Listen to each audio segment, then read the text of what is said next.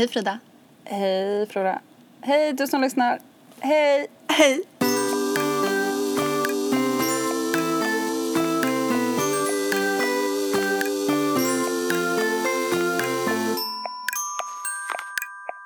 Hur är läget?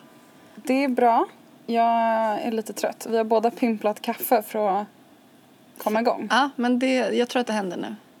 Jag, har ju, jag hade ett år typ där jag inte drack kaffe för jag fick för mig att eh, det inte var bra för mig. Alltså det var inte bra för mig då. Eh, men, kaffe men, är väl inte bra för någon? Nej, men jag hade liksom en period där jag drack det och varje gång jag drack det så fick jag typ så här svettpåslag och började darra hur mycket som helst. Men nu har jag börjat dricka det varje dag och när jag inte får min kopp kaffe så inser jag ju att jag blir väldigt låg. Ja. Jag kan också känna igen att, eller jag blir verkligen påverkad av koffein men det är ändå så här, här på kontoret finns det ju en påse med starkt jävla kaffe. Så finns det en påse som står så här koffeinfritt. Och även om man borde ta den koffeinfria så bara ryggar jag tillbaka varje gång jag ser den påsen. Ja men alltså grejen är att jag har ju inte... Kropp, jag, Kroppen ska härdas lite tycker jag. Ja men den ska ju göra det. Och jag tänker så här. Jag har alltid tänkt på kaffe som någonting man eh, dricker för att bli pigg. Men jag har insett att jag blir glad av kaffe. Alltså jag får så här, jag, jag beskriver det som att jag blir kaffefladdrig. Alltså jag blir liksom lite så uppspelt. Och det Exakt. är väldigt Exakt. härligt. Alltså jag har haft många lyckorus där jag bara wow, gud, vad händer? Och sen så bara, ah, just det, jag drack kaffe för typ en halvtimme sedan. Och det börjar kicka in. Praise the Lord. Praise coffee.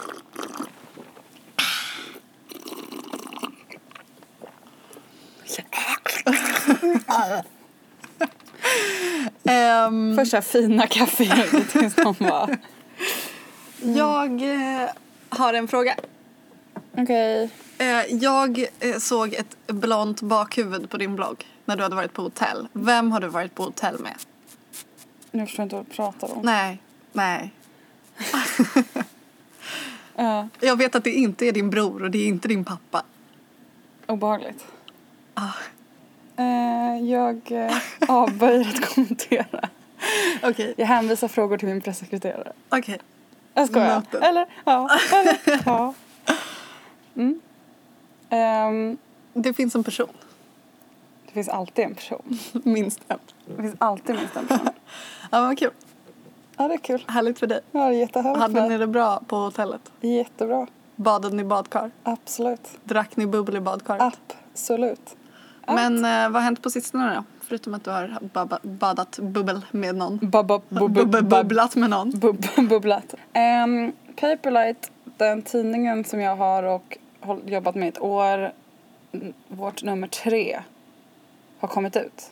Jag har bläddrat i det, det är så fint. Det Jag måste få lägga mer tid på det bara sjunka in i de här bilderna. Det är faktiskt så jävla fint. Så att alla som inte köper ett nummer av den kan bli fan svartlistade för all framtid i mina ögon. Ja. Gud vad jag går på med så här, Men eh, Piska. jag Nej, men tänker det- att om man också, man kan också se det så här att det finns så sjukt många fina bilder i den så att man kan läsa den och sen kan man riva ut bilderna och sätta upp dem på väggen. absolut. Så får man också ett så här eh, konkret syfte med den förutom att bara njuta av innehållet. Men det, det är därför jag, det är det jag gör med tidningen hela tiden. Att jag väljer på bilder, jag är som ett barn. Jag läser inte. Jag, jag bara tittar på bilder. och sen så river jag ut bilder och sen sätter jag på väggen och sånt. I alla fall så, Du har inte ens läst intervjun som jag har gjort i, i din tidning Bergis. nej det har jag faktiskt inte. jag har inte läst en enda text. Jag har inte ens läst Janas text. Okej. Jag har läst de stora citaten som syns tydligt. Du bara wow, det, det, är det är Jag bara insiktsfullt. Jag bara det här är bra, det här är bra grejer. Nej men den är ute och det vore jättekul om någon kanske ville köpa ett ex och stötta independent print och då kan man gå in på paperlight.se eh, och använder man promokoden podcast så får man eh, rabatt. Så do it. Fy fan vad nice. Mm. Jag var på... Um, Jag har en kul grej sen kom jag på.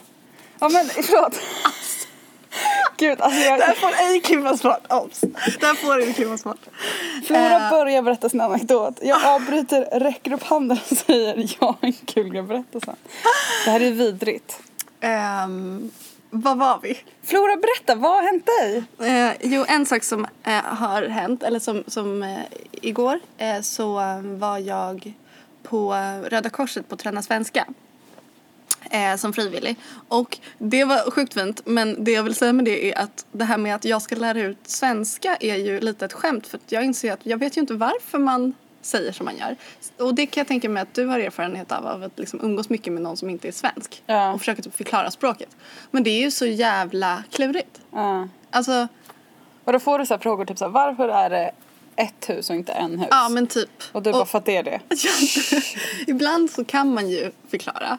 Men ofta är, det verkligen så bara, ja det, det är så. Typ. Eh, så jag tror att jag typ måste så här, köpa en grammatikbok och typ så här, fundera på varför vi pratar som vi gör. Jag håller ju på väldigt mycket med ord.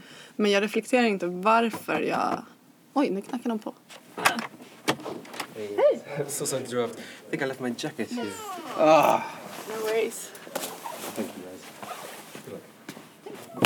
Ehm, ja, så att eh, en del grejer kan jag ju lära ut. Men alltså nu. I'm so sorry. There's one more thing I forgot. Okej. uh, you guys, I hope you're not recording. We are, but it's fine. Alright, no, I definitely have got.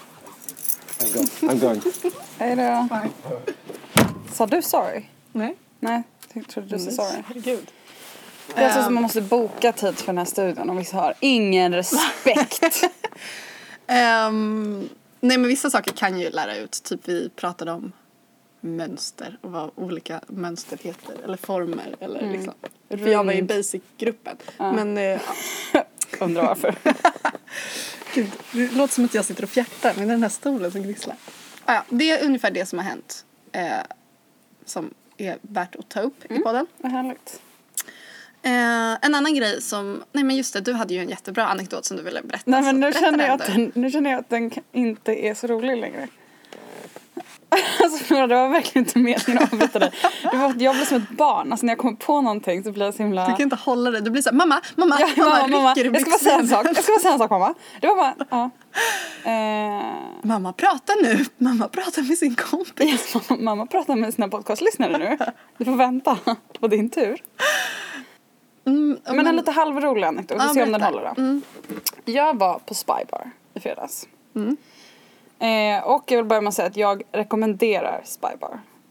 Jag tycker att det Mm. Dagens är så roligt att betala extremt mycket pengar och gå in där och sen så bara hänga i det här R&B MTV-rummet som säkert heter någonting annat. Ja, det här är alltså en klubb på Stureplan som är Jävligt osoft. jävligt osoft. Men ett av de här rummen är liksom, det är bara låtarna du vill höra. Mm.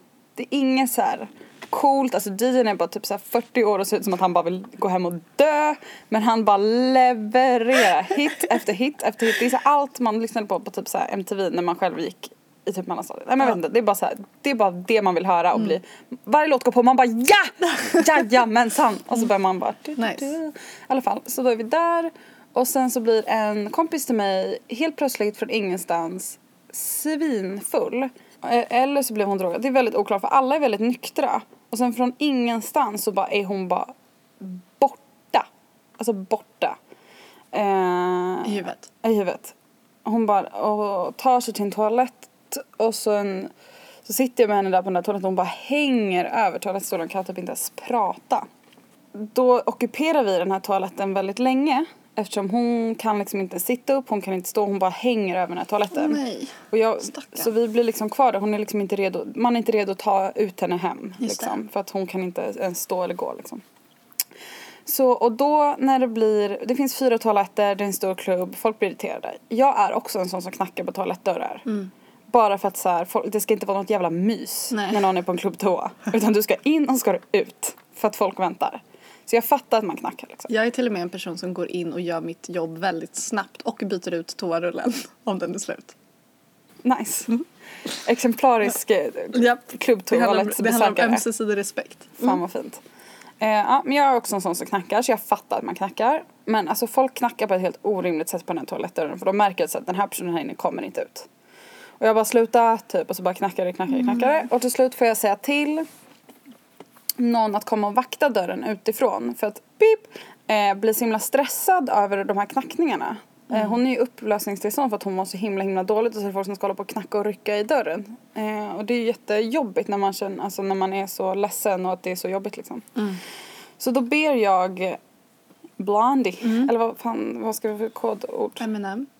Ja, då ber jag, eh, Eh, han ser ut lite som Eminem, så att då ber jag Eminem, kan, jag bara, kan du stå utanför toalettdörren här och se till att folk inte knackar för att beep, blir väldigt irriterad. Eller blir ledsen liksom. Han bara okej, okay. så står han utanför dörren och sen sitter jag där inne och klappar på Beeps huvud. Eh, och så hör jag Eminems röst utanför dörren. För att det bara knackar och knackar, någon börjar liksom panikknacka på vår dörr. Så bara hör jag hans röst genom dörren. Han bara, nu slutar du knacka, det är en tjej som mår jävligt dåligt här inne. Nu tar du det lugnt. Och så har man någon här Han tjej. backar sina Ja, systrar. verkligen backa sina systrar. Och sen så har man en tjej på andra sidan som bara, alltså vad gör du ens på tjejtoan? Han bara, ja jag fattar att jag är här nu eh, men det är bara för att jag ska hjälpa den här tjejen ut när hon är redo och kan stå. Typ bla bla. Så, så här, börjar så här tjafsar han och han bara, du får faktiskt inte vara här. Han bara, jag, ja, jag är ledsen men jag måste stå här nu. Typ jag förstår att det är känsligt bla bla så pratar vi så fram och tillbaka. Eh, och sen så kom vi ut och så lyckades vi ut till henne bla bla bla. Men det roliga var att eh, tjejen var Sara Larsson. Nej. Oh my Att god. hon så här panikknackar och eh, Gud, men det är klart hon gör det. Hon är ju en person som knackar. absolut. Och rycker. 100 Och liksom kanske även klättrar upp för dörren och halkar ner på andra sidan för att... Men det är roligt hur man kan toa. se saker från olika håll. För nu när man ser, det, det här är ett tydligt sätt att man så här, hur man kan uppleva en situation på olika sätt. För om Mm. jag står inne på en toalett, jag är så jävla kissnödig, jag behöver byta tampong whatever, jag måste in på to- toaletten. Och så står det en, så här, en snubbe inne på tjejtoan. Man bara, kan du gå härifrån? Ja. Då skulle jag ju också bara, vad fan gör du ens på tjejtoan? Ja. Som bara står där och tar upp Men plats. att han inte blev helt starstruck över att det var Sara Larsson. Nej, Jag tror inte, jag tror inte han... Han, Han fattar inte Det tog bilden. ett tag innan han förstod vem det var. I alla fall. Eh, och det förstår jag. Medan jag förstår också, så jag förstår från det hållet. Men sen förstår man också från ens eget håll när man så här, någon är inne och spyr och man bara, kan folk sluta knacka? Jag och min mamma hade ett eh, härligt eh, uppfriskande bråk för ett litet tag sedan. Vi är väldigt tajta jag och min mamma. Ehm, men vi kan också bli jävligt förbannade på varandra. Och det, det är ju ganska vanligt för föräldrar och barnrelationer.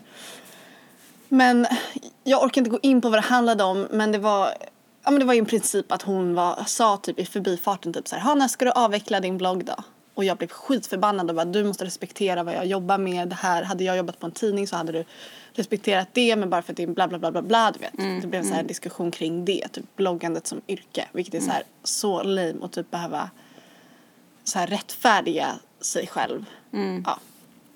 Och så la vi på och var skitarga på Ja, det var på varandra. telefon också. Ja. Så jävla jobbig grej att bråka på telefon. Det Så jobbigt. Vär- Världens, eller, det, det var också så att hon bara, nej jag, det går inte att prata med dig. Nej nu orkar inte jag prata med dig. Så la hon på fast det var hon som hade varit elak. Och då ringde jag upp och jag bara, du sätter inte på dig offerkoftan nu.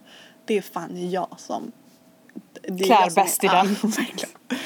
Ehm, och sen så började vi prata, så pratade vi typ ut om det. Slutade Mm. med att typ båda grät och bara eh. för, för jag började nämligen hävda typ såhär, du respekterar inte mig. Du måste Mm. respektera mig. Och hon bara, gud vad du vet mest om den här världen. Typ så. Att hon tyckte att jag så här, skulle läxa upp henne hur man är som en medmänniska typ. Eh, och dagen efter så, när vi, då hade vi blivit kompisar men då ringde hon mig och bara Flora jag har tänkt på det här. Ehm, jag tror att jag måste börja se dig som en vuxen.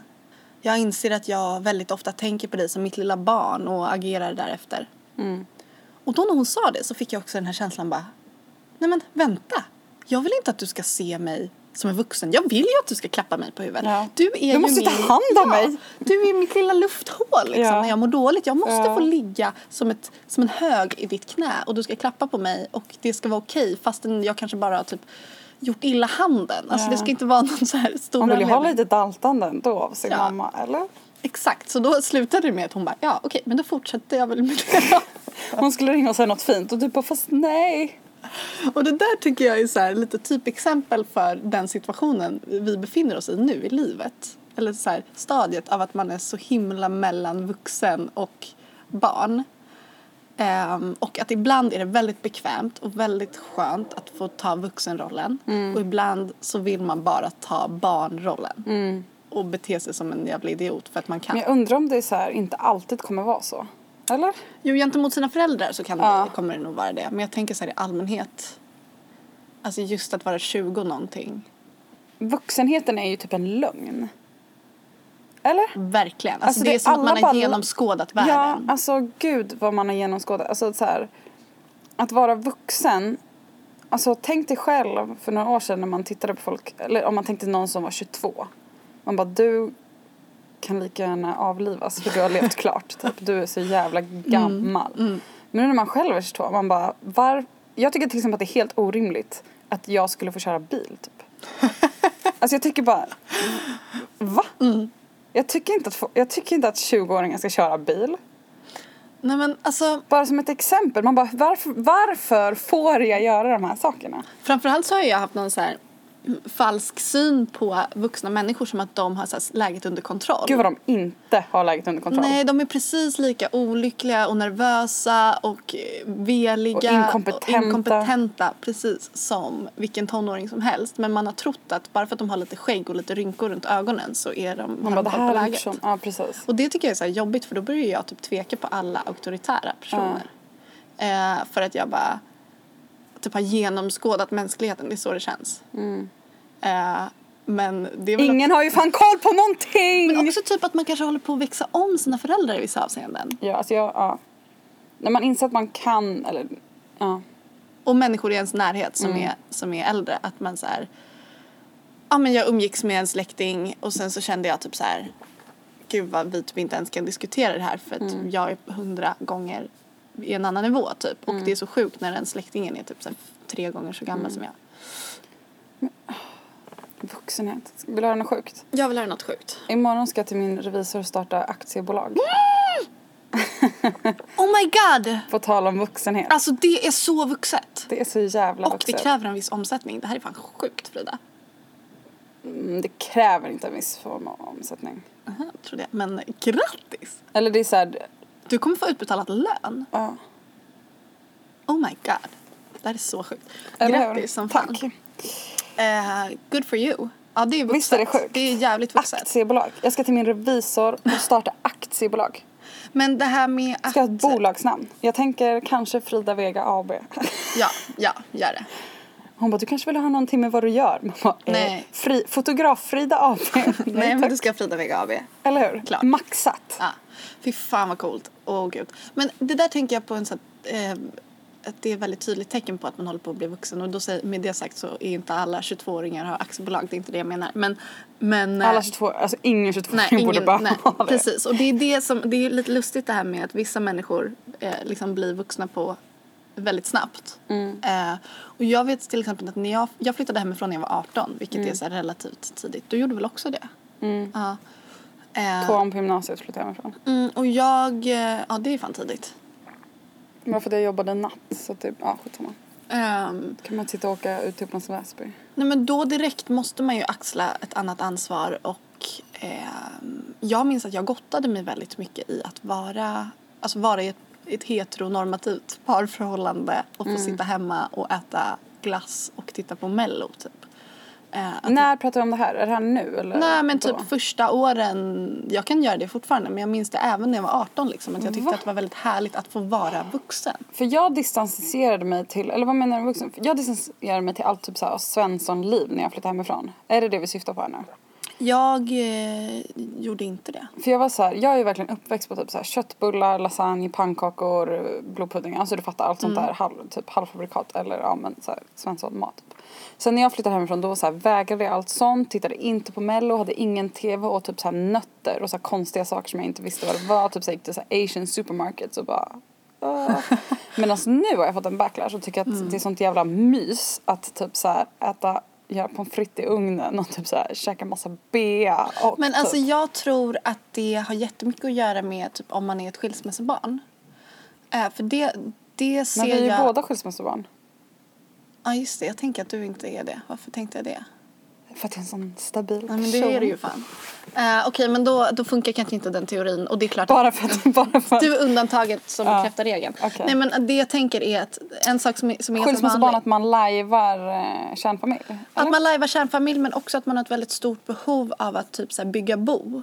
ja, Oavsett men det, här, hur man men gör det här känner jag igen. Ja, att det är, jag, jag tycker att jag märker det med väldigt många som liksom har fått sina rötter lite uppslitna. Ja. Att de har ett större behov av att hitta egen bostad och typ eh, få bygga bo. Men det här stämmer ju ändå inte mig. Jag, det var också därför jag ville flytta hemifrån väldigt tidigt. För jag bara säger, jag pallar inte eh, vara en del av, av den här familjen. Eller vad fan, jag har inte sagt upp bekantskapen med min familj, jag älskar min familj. Men jag orkar inte ha det i vardagslivet. Jag vill, här, jag vill bygga en egen trygg sfär runt mig. Exakt. Så kan ni deala med vad ni ska deala med där borta så kan vi äta middag ibland.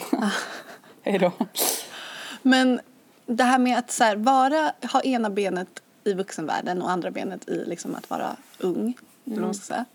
Ehm, Tänk Det- lite på den här Britney Spears-låten. I'm not a girl. Går den? Felix kan du sätta, lägga in den lite? Nu, spela den nu.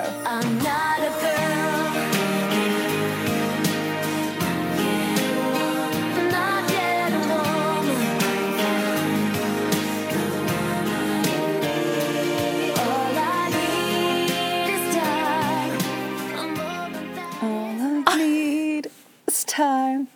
A, moment that is mine. La, la, la. Between. Gud.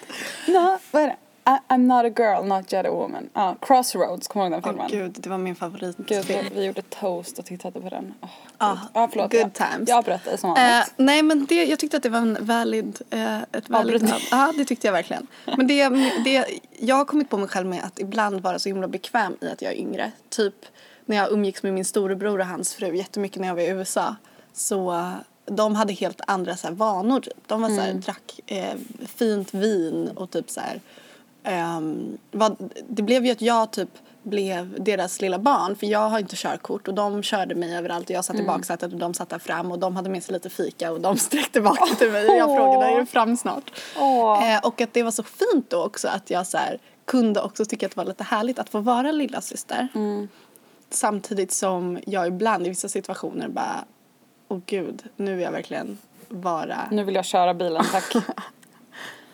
Men det här med vanor, det tycker jag är himla, det är också så himla mysigt. Det är väl ett tecken på om man ska flytta hemifrån och börja bli vuxen, att få skapa sina egna vanor. Mm.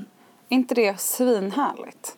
det är det verkligen. Sina egna vanor och typ så här, framförallt mat, vi var inne på det lite innan. Men det tycker jag är en sån himla så här vuxen grej när man får känna att så här, jag bestämmer själv vad jag ska äta. Mm. Och att man har egna så här, för varje familj har en, vissa basvaror. Eller Typ om man har grön eller blå eller röd mjölk. Exakt, Eller vilket typ smör, är det lätta Ja. eller Bregott? Ja. Eh, typ sånt. Och man vet ju så här, vad, när man öppnar kylskåpet hemma då hade i alla fall vi så att man, det var tryggt. Man visste fan vad som stod på andra Mm. Sidan dörren. Det var Verkligen. samma grej varje gång och när någonting tog slut då köpte man nytt. Mm. Så när man så för första gången ska dra iväg och plugga eller man kanske bla bla bla. När man är, första gången upplever det här själv, att man själv ska fylla det här kylskåpet. Mm. Och så att hitta sina egna favoritgrejer man vill äta. Man kanske inte vill äta den jävla äckliga A-filen man har tvingats i hela uppväxten. Man bara, jag vill ha jordgubbsyoghurt. typ. Och så får man göra det och så blir det ens grej. Verkligen. Det är fucking freedom. Ja, jag älskar det. Det är så himla nice. Men hade du mycket eh, framtidsångest efter studenten? Eh, ja, jag har haft framtidsångest sen jag var typ 16. Det här har vi verkligen pratat om. Jag har verkligen ältat min framtidsångest. Jag har landat i det här mer nu. Jag har mindre framtidsångest nu. Undrar om det har att göra med att du ska starta aktiebolag imorgon? Eh, ja, det kanske har med. Nej, men jag, för att när man blir äldre så... För när man, det var värst när jag var typ 17-18 för då trodde jag att livet var över vid 20 och det är lite mycket man då ska hinna med på två år, tänker jag. Lite Eh, mycket. Lite mycket. Och eh, att det, allt kändes himla osäkert. Men nu när man hunnit bli 22 Uh, gud vad folk som är äldre än 22 kommer skratta rått åt mig nu men det är fan ta er. Ja. Eh, då inser man på något sätt att så här, nej men det finns en del tid kvar. Ja.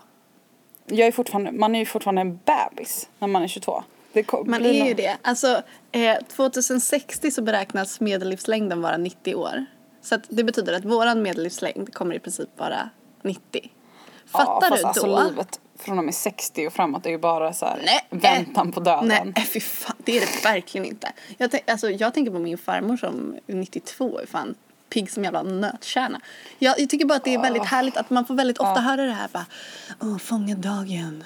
Men jag tycker det också är så här, fan skit i fånga dagen, vi ska leva fett länge. Det är Chilla många dagar. grillen. Ja men alltså det är verkligen så här att för mig är det ganska betryggande. Det är klart att det kan hända saker och det kan man inte styra över. Men att om man säger att man ska ha ett långt och härligt liv då, eh, är det, då kan man chilla sina första 30 år om man vill det. Okej. du bara, Nej tack. nej men eh, Ja, jag- men jag fattar vad du menar. Sunt. Mm, jag tycker att, mm, att det är lite väl hetsigt hur mycket man ska hinna åstadkomma sina första år typ efter studenten. Att folk eh, förutsätter att de ska veta exakt vad de vill hålla på med precis när de har gått ut gymnasiet.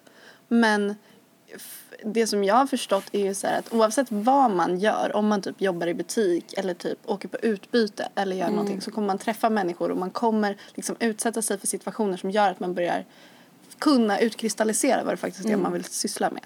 Verkligen. Eh, Så jag tänker att så här, om man befinner sig i den situationen då man bara herregud vad fan ska jag ta mig till?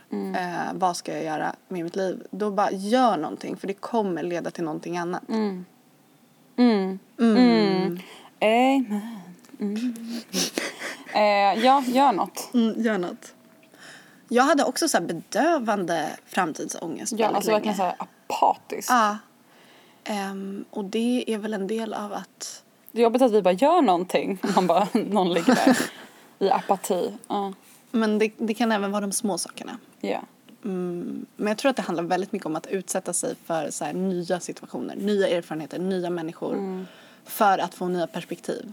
Alltså jag fattar. Backpacka i Thailand. Gör det bara. Det, det där är faktiskt ganska intressant. För just den grejen, att man ska Eller resa. du tror inte på det? Nej men alltså jag åkte ju på min första längre resa eh, i höstas. Vilket är tre och ett halvt år efter studenten. Ja. Och många tror ju att så här, året efter studenten när man har sparat ihop pengar så måste man åka Ja. ut och resa för det är så här kutym typ. Det är så jävla fucked up. Folk kanske inte ens vill åka ut och resa. Jag gjorde ju aldrig det. Så det är jättelågt att jag säger back, eh, backpacka i Thailand. Skulle själv aldrig i livet backpacka i Thailand. Nej men det där är så himla, det är så sjukt med de här mallarna man har för typ hur ens första stapplande steg i vuxenvärlden ska se ut. Att det ska börja med att man ska självförverkliga sig på någon yoga-retreat i, på Bali ungefär. Mm. Så långt bort. Ja men, Det finns yoga på Friskis. ja faktiskt. Jag tycker att man ska försöka, om det är möjligt, eh, koppla bort vad andra har för förväntningar och bara köra på vad man själv är sugen på. Vill man inte resa så ska man inte göra det. Nej. Och alltså folk eh, bryr sig typ inte om vad du gör. Alltså de är, alla är bara uppe i sig själva. Mm. Det är faktiskt så. Det är ingen som kommer döma en för att man inte reser. Alltså verkligen inte. Frida, känner du någon eh, press när det kommer till att skaffa barn i en viss tid i livet? Oj vilken oväntad fråga. Dina- Jag direkt håller över magen. Din, din Skyddar. blick var verkligen så som att jag typ pepprade dig i ögonen med typ en Ja. vattenpistol och du var bara tvungen att blinka. Eh, Jag... ehm, om jag känner en press att skaffa barn? Ja men det finns väldigt många som känner så här, okej nu är jag Alltså jag hade ju en bild över att jag skulle bli ganska ung mamma med Matthew liksom. Att vi skulle skaffa barn relativt ungt. Mm. Alltså i 20-årsåldern liksom. Men nu eh, känner jag att jag tänker hålla mina ägg för mig själv ett tag. Mm. Men Men jag vill ju ha barn. Alltså jag vill fett gärna ha bebisar. Mm. Men eh, ingen som säger jag vill fett gärna ha bebisar borde få skaffa barn inser jag nu. Men eh, eh, då är man inte mogen. Jag tänker, jag tänker så här. Det man kan ta med sig i livet det är att aldrig fråga typ 30-åringar bara för att de är kvinnor fråga när de ska skaffa Ja. barn. Alltså när jag umgåtts med min storebrors fru, hon är 30, hon fyller 30 nu. Alltså det är verkligen sjukt hur ofta folk frågar henne. När När, kommer barnen? när kommer barnen? Det är faktiskt helt Alltså det är så här, alla ska sluta fråga det nu. Alla vill inte ens ha barn, alla kan inte ens få barn. Mm. Eh, ja, hur känner, eh, har du? Eh, Eh, jag eh, tänker att jag nog vill ha barn i framtiden men inte inom den närmsta framtiden. Alltså just nu känns det väldigt Ja, folk kanske tycker, jag vet inte om folk liksom bara tycka att det är helt orimligt eh, att vi pratar om det här men alltså jag har ganska många runt mig i min egen ålder nu som börjar få barn. Med. Till och med en, en bekant som är inne på sitt andra. Ja men så alltså. att eh, det är fan inte så långt bort. Nej min storebror Viggo han fick ju två barn när han, han fick sitt första barn när han var 18. Ja. Nu har han två barn. Och det har ju funkat skitbra. Så jag är liksom för att skaffa barn i tidig ålder, inte så. Men jag, jag ser ju också så här en, alltså storstads, storstadsbilden och småstadsbilden. Det, det är ju ganska stor skillnad där. I Lysekil där han bor, där har ju de flesta som är 20 någonting barn. Mm. För att eh, det är ett annat familjefokus. I storstäder så är det ett mycket mer så här, karriärsfokus. Det är ju bara så. Ja, absolut. Eh, och eh, som kvinna så påverkas man ju mycket hårdare av, av att få barn liksom. Mm. Eh, och jag, eh, ja nu känner jag nog att jag kommer vänta ett ganska bra tag med det för det kommer påverka så himla mycket så här, karriär och vad man gör och ens tid. Ja. Och nästan oavsett att- hur jämställt förhållande man än har så, så den här mammastämpeln som man får av omvärlden är ju inte lika sexig som eh, den här sköna pappastämpeln Nej. som man som snubbar får. Som någon snubbe som sitter där på Louie Louie och sippar, sippar på sin kaffe och Ja har sitt exakt. lilla Om man gulliga- ser, om, då, om vi säger att jag har barn och så ser man att jag är ute på spybar då tycker folk, skulle folk tycka att det var sorgligt. En Om bekant jag till mig. bebis. Medan pappan bara, fy fan vad härligt att han kom ut lite och röjer. Va? Eh, alltså, En bekant till mig, eh, när hon var liten så brukade hennes mamma, hennes mamma var så här eh, party queen typ. Mm. Hängde alltid på spybar. Hennes mamma brukade lämna in den här lilla bebisen då i garderoben på Café Opera och gå och festa. eh, fucking queen. Jag visste inte om man kunde lämna in bebisar i garderoben. Man måste ju känt någon i garderoben. Det kan ju inte vara det bara, Man kan ju inte bara titta in i garderoben och så bara sitter en massa bebisar där bakom. Nej men det... Man måste ha ett hörselskydd. Tänker jag Antagligen. på, på barnet. Ja. Men jag tycker det, det, det sjuka med barn är ju att så här, i stunden man, man får barn så säger man ju i princip upp sig själv på det sättet att man måste helt plötsligt börja ta hand om någon annan liten varelse. Och man får inte vara lika egoistisk. Ja, där känner jag att det faller för mig. Det går inte. Nu lämnar vi bebisarna. Det gör vi. Ehm, Aborterar allihopa. Jag vet att hur roligt jobb man än har så hatar man jobbet ibland. Ja. Och det här är någonting som jag tror att, så här, eller jag märker det när jag pratar med många, att folk blir typ förvånade. Alltså, min kompis eh, har jobbat väldigt länge på ett jobb i två och ett halvt år på samma jobb. Eh, och har varit så himla så här, åh jag vill frilansa. Eh, och så pratade han om det med min andra kompis som frilansar inom så här film. Typ. Och då så sa min andra kompis så här, Jaha, men vad då? Jag är fett avundsjuk på dig att du typ har så här trygg inkomst, att du slipper stressa, var orolig att du inte ska få in jobb. Att jag tror att det blir ofta så här, ehm, Gräset är grönare. ja, och just att man tror att folk som typ så här inom citattecken jobbar med det de älskar bara har det nice. Men så är det ju verkligen inte. Alltså oavsett vilket, vilket jobb man väljer, oavsett om du är, kommer bli författare eller astronaut eller statsminister så kommer det finnas jävligt många dagar där det inte är så himla kul. Ja, jag kan skriva under på det när det kommer till författare. Alltså skrivandet är vidrigt ibland. Jag kan skriva under på det när det handlar om statsminister, det är ett tungt ansvar. Ja, det, jag kan tänka mig Mycket att det. bära. Ja. Tyst minut för det tråkiga skämtet. Det var jättebra. Det var, det var faktiskt ett väldigt, väldigt bra skämt. Eh, men det kanske, man kanske inte behöver utveckla det något mer. Nej. Utan det är en bumper här. Mm. Frida, kan du ångra någonting från din tonår? Att du, alltså, känner du att du gjorde det, det mesta du kunde av Jag känner att jag typ ångrar hela mina ton- alla mina tonår. Alla. Alla tonår, allihopa. Varför? Nej, du behöver inte utveckla om du inte pallar. Ja, nej men jag ångrar dem allihopa. Men okej, så att om du kunde så skulle du gjort om dem. Nej men jag orkar inte göra dem igen. Men okej, känner du så här att du... Eh, o- om du skulle få barn imorgon Ja. och helt plötsligt sitta i en soffa med det här gulliga lilla barnet i din Ja. famn och verkligen ha typ så här familjelivet. Skulle du känna att du hade gjort det mesta av din, dina ungdomsår? Alltså att kramat ut att- hur det är att vara ung. Absolut inte. Men det jag där är ju också... kvar. Ja men det där är också lite shady för att jag, jag orkar, tänker inte, att... jag orkar bara inte göra de här ungdomsåren som typ 17-åring för det var de sämsta jävla åren. Men jag, jag kramar gärna ut lite mer fyllor och, och hångel och eh, diverse annat som 22, 23, 24, 25-åring, 26, 27, 28, 29, 30, 31, 22 och så vidare.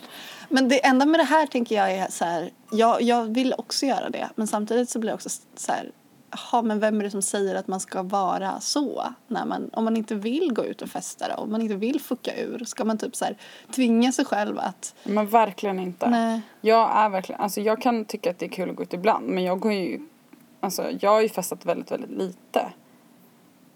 Förhållandevis till, till andra kompisar. Mm. Men, eller ja, det beror fan på vad man jämför med. Men jag tycker aldrig man ska tvinga sig att ja, bara för att man inte går ut och festar och blir fett full och spyr och testar alla droger som finns out there så har man inte, så inte levt sina tonår. Nej, jag Det tänker handlar- så att det, det behöver inte handla om fest eh, i sig utan jag tror att det handlar väldigt mycket om att bara utsätta sig för situationer som är lite läskiga. Alltså läskiga Mm. som är det att man behöver våga. Alltså det tror jag är det som Absolut. eh, om jag skulle sitta där med i en familj plötsligt och vara lite mer bunden så, så skulle jag nog känna så här varför tog jag inte mer risker? Mm. Därför gjorde jag inte mer svampar på en strand i Thailand. Precis. Jag var med en kompis som berättade den här anekdoten. Och den fick mig att tänka lite. Så att jag, om jag bara först lägger upp ett scenario eller så här. Eh, om man har dejtat någon ett tag. Du säger att du, du har gjort slut med Felix, du dejtar någon ny nu. Och ni har träffats typ en månad. Allting är jätte, jättebra. Vad skulle det krävas efter den här månaden att någonting mörkt skulle dyka upp hos den här personen eller att man får reda på någonting som gör att man bara, vem är den här personen, det här går inte längre och så får man bara bryta av det. Ställer du den frågan till mig? Eh, Jag, jag lägger upp den på bordet Ja. och sen så nu berättar jag den andra historien. Okej. Hon berättade om en kompis till henne som hade eh, börjat dejta en kille som verkade fett normal, successful, allt var jättetrevligt. Eh, men de hade inte haft sex ännu och veckorna gick och hon började tycka att det kanske kändes lite eh, konstigt men han ville liksom inte riktigt. Men han var väldigt så här affectionate och ville liksom, ja men hångla och liksom vara nära och sådär. Så det inte, var inte att han var eh, oattraherad av henne eller att han, det, ja, det fanns den typen av tension men de låg inte. Och efter en månad så kommer de väl till den här punkten då det var dags att, ja men nu hettar det till här sen kan man lite grann, nu, nu kanske vi ska ligga. Då säger han till henne, ehm, du måste göra en grej för att jag ska bli hård. Eh, för annars kan inte jag bli hård och jag kan inte ha sex. Men eh, jag skulle behöva att du sätter på dig en blöja. är inte det det sjukaste? Det här är så jävla sjukt. Eh, Det här är så sjukt på så många nivåer. ja. Men vänta, är det här en sann historia? Ja.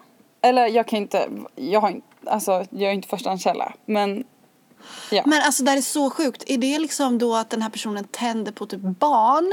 Eller, jag eller tänder så på här, typ gamla tanter? Exakt. Det är antingen någon, man tänder på någonting väldigt, väldigt ungt eller något väldigt, väldigt gammalt. Oh, Jesus, alltså fy fan vad sjukt. Det skulle ju vara goodbye. Eller att det bara är själva blöjan. Man kanske gillar liksom själva hur den prasslar. Alltså jag vet inte, jag försöker vara open-minded här nu. Att det kanske är någonting med liksom själva blöjan som, är, som man gör en taggad. Hade de legat sen? Jag tror att det här var en viss brytpunkt Ja, i för jag undrar om han hade med sig en blöja. Jag kan, jag jag kan inte ställa upp med detaljer. Jag önskar att, jag, att man kunde få lite mer detaljer. Det här är Ja. så sjukt. Det hade definitivt fått mig att vända på klacken. Ja, exakt. Eh, det hade... Ja, alltså fan det hade ändå brått på liksom. Tänk dig att det är så här, det här är dröm, drömpersonen. Och den här personen bara, jag vet att det här är lite konstigt men jag har verkligen en fetisch. Jag har verkligen en hang-up. Jag gillar, jag gillar hur, jag tycker att det är sexigt. Jag gillar liksom hur det ser ut när någon har en blöja på sig. Alltså grejen är att då, då börjar jag direkt tänka att den här personen då kanske tänder på små barn och det känns ju bara helt vidrigt. Det känns Det absolut vidare så men det kanske inte är det. Det kanske bara är... Det kanske bara är blöjan i sig. det kanske bara är Då blöjan får man väl prata om det. Ja. sen så kanske man kan kompromissa så man kan ha på sig en vadderad trosa eller något istället. Ja. Men tycker Stort trosskydd. Gud, jag, bara, jag vill inte ha blöja men kan vi dra gränsen vid ett stort trosskydd som vi tejpar runt midjan? Om vi försöker hitta, om vi kompromissar med det här. Om vi försöker hitta något som båda är bekväma med. Åh gud. Men jag tänkte att det är liksom en så himla så här, eh, spännande grej. Så här, vad, kommer du på något direkt som så här, vad? För det som är så spännande med det här är ju att det här är ju verkligen en sån grej som får en att titta på den här personen och bara, känner jag dig? Eller så här, vem är du? Vi har sett i en månad men vet jag egentligen någonting om dig? Det är verkligen en sån situation. Ja men alltså det finns ju många så här äckliga saker och så sexuella saker som skulle Ja. få mig att lämna personen. Men sen så finns det ju också så här om jag skulle se att den här personen var helt vidrig mot barn till exempel. Eller var Allting sjukt jättefint men så fort ni går förbi en lekplats och den bara kastar, börjar kasta småsten i huvudet på barnen. slår små barn. Eller typ så här hatar gamla människor och typ Ja. puttar omkull dem när de går på sina, med sina rollatorer. Mm. Alltså, Det hade ju också varit en brytpunkt. Det hade man inte kunnat tänk- leva med. Eller att det skulle fram, eller komma fram att den här personen har helt skeva eh, liksom, Ja. ehm, politiska åsikter. Och då menar jag väldigt skeva. Alltså, Ja. jag, jag tror att det kan vara lite bra med någon slags motstridighet som man får diskutera och så. Mm. Men kanske inte vara ihop med en tvättäkta Nej. rasist eller så. Jag tycker att det är så himla spännande med just som så här små saker som har ett sånt jävla mörker i sig. Som bara, bara bubblar. Ja, jag vet inte. Ja. Typ att den personen alltid skulle typ eh, slicka på faten i smyg när man inte såg så att man alltid skulle äta sin mat på fat som den personen just hade slickat på. Eller Ja. något sånt absurt. Eller Ja, typ något så här, så lite- äta upp ens mat när man tittar bort. Eller typ Jag börjar tänka. Börja spåna Skräckscenario. Ja. Sjukt i alla fall. När jag söker utbildningar och sånt där som jag ändå gör typ någon gång per år. Då kan det vara att jag söker någon skrivutbildning eller söker någon kurs på universitetet eller sådär. Eh, och för några år sedan så sökte jag en, en eh, konstutbildning och kom inte in och blev så jävla nedslagen. För det är så jävla jobbigt att inte komma in. Mm. Då brukar jag alltid tänka på Bianca Kronlöf. Som sökte till scenskolan nio gånger innan hon kom in. Mm. Alltså nio gånger utsatte hon sig för att öva på de där monologerna, gå dit, gå igenom hela den här ansökningsprocessen och kämpa så jävla hårt. Och fan utsatte sig själv för det gång på gång på gång och nu går det fett bra för henne. Alltså jag tycker det är så himla inspirerande med folk som typ verkligen har kämpat och inte ger upp. Jag tror att det kan vara en skön eh, grej att komma ihåg. Eller typ Alicia Vikander som inte kom in och sen sket i det. Inte kom in vadå? Scenskolan. Aha, ja. Det var ju också, det har ju gått, Det finns ju två- gått ganska bra Så det finns ju två vägar att gå. Antingen så här, inte ge upp med en utbildning och verkligen söka om man tror att man verkligen, verkligen vill gå den. Mm. Eller så här, känna att så här, ah, okej, jag vill göra min grej, det här kanske funkar inte och så kör man på ändå. Båda de är ju väldigt modiga liksom och väldigt Ja så här, precis, båda de handlar om att liksom inte hänga upp sig på att man kanske inte, att man fick ett avslag den här gången. Så inspirerande. Verkligen. Inför det här avsnittet så googlade jag lite. Och när jag googlade framtidsångest så kom jag för övrigt in på, ett, på min egen blogg. För att jag har gjort en, eh, jag har så här en, diskussions, eh, en diskussion pågå, pågående där folk får skriva av sig när det kommer till det. Jag kan länka det i det här blogginlägget. Eh, Men så, så kom jag även in på typ en, en, en skolkurator som hade svarat på frågor om den här typen av ångest. Och hen hade skrivit så här. När vi funderar på framtiden till den grad att vi får framtidsångest är det viktigt att komma ihåg att ångesten också fungerar som en drivkraft. Den lite tvingar oss att fundera på olika möjligheter i framtiden, hur vi ska uppnå dem, vart är vårt mål? För att vi går igenom dessa funderingar kan vi vara mer säkra på att vi i slutändan når rätt. Därför kan denna ångest ses som ett nyttigt verktyg i- vår utveckling och behöver inte alltid motarbetas. Det tycker jag var ganska eh, insiktsfullt. Mm, verkligen, fint. Att man får vä- vända ångesten till någonting som man kan känna sig pushad av. Mm. Sista fråga till dig Frida.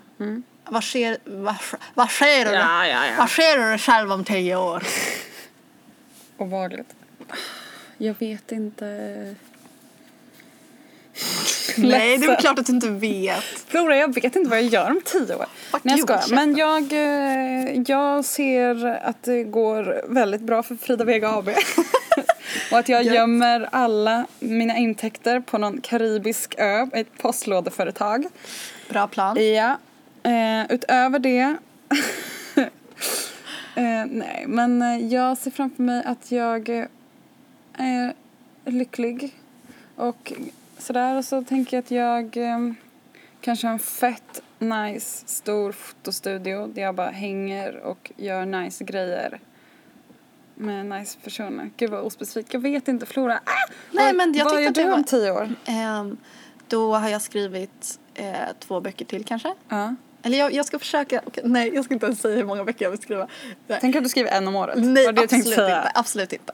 Eh, det ska jag inte göra, det kommer inte bli något bra. Men jag vill skriva mer böcker, eh, jag vill ha något litet, eh, antingen vill jag ha ett eget landställe någonstans ganska nära Stockholm. Eller så vill jag liksom vara väldigt mycket i Hälsingland. och ehm, ha det gött. Det är min plan, att ha det gött. Det är typ min plan också. Dri- Nu. sitta på en altan och dricka rosévin och typ mm, ha någon som står och masserar mig. För två år sedan kanske jag hade sagt typ så här, jag ska ha en fet stor lägenhet, jag ska tjäna pengar på det jag gör, jag ska typ så här, fota, jag ska bli publicerad i massa nice tidningar. Det här är så här grejer jag absolut vill. Men det är så här, nu känns det mer typ så att man har så här framtidsgrejen bara att man bara man vill att det ska vara nice. Man vill, alltså, det, ingenting av det här spelar någon roll om man inte mår bra. Nej exakt. Eh, och jag tror också att för mig har det är jätteviktigt att komma ihåg att så här, för jag, jag tänker ofta i led, typ så här, om jag gör det här så kommer jag må bra. Om jag får min bok publicerad då kommer jag bli lycklig. Och sen när jag väl får det så Om boken säljer så här Ah. många exemplar då kommer jag bli lycklig. att man hela tiden skjuter fram målet att vara lycklig. Ehm, och det är väl bara så här att, att förlika sig med tanken att eh, lycka är ett väldigt abstrakt fenomen och det handlar om att vara tillfredsställd. Och det kan handla om att bara äta lite söt potatis i ugn och titta på ett äh, avsnitt av Girls. Det är nog exakt det det handlar om faktiskt. Det är fan det lycka är. Det är faktiskt definitionen av Rotfrukter lycka. i ugn och en bra tv-serie. Där har vi det. Det är inte svårare än så. Fram- Framtidstips eller så här, Fint. lyckotips. Mm. Eh, tack så jättemycket Felix Berg för att du klipper våra podcastavsnitt. Eh, och eh, tack till alla er som lyssnar. Hashtagga FloraFrida och sen så får ni jättegärna eh, kika på mitt nya nummer av Paperlight och då går ni in på paperlight.se och så kan ni använda rabattkoden podcast eh, för eh, rabatt. Vi finns i alla sociala medier. Just nu är vi väldigt betuttade i Snapchat. Oh, kul. Vad heter du på Snapchat? Florpo? Jag heter inte Florpo, hur mycket jag önskar att jag hette det. Jag heter Flora Wistrom i ett ord. Jag heter Frida Vegas, så Frida Vega med ett S på slutet. Följ mig på Snap. Ehm, och fortsätt att skicka in förslag på poddidéer om ni har några. Tack för att du har lyssnat. Hej då! Hej då!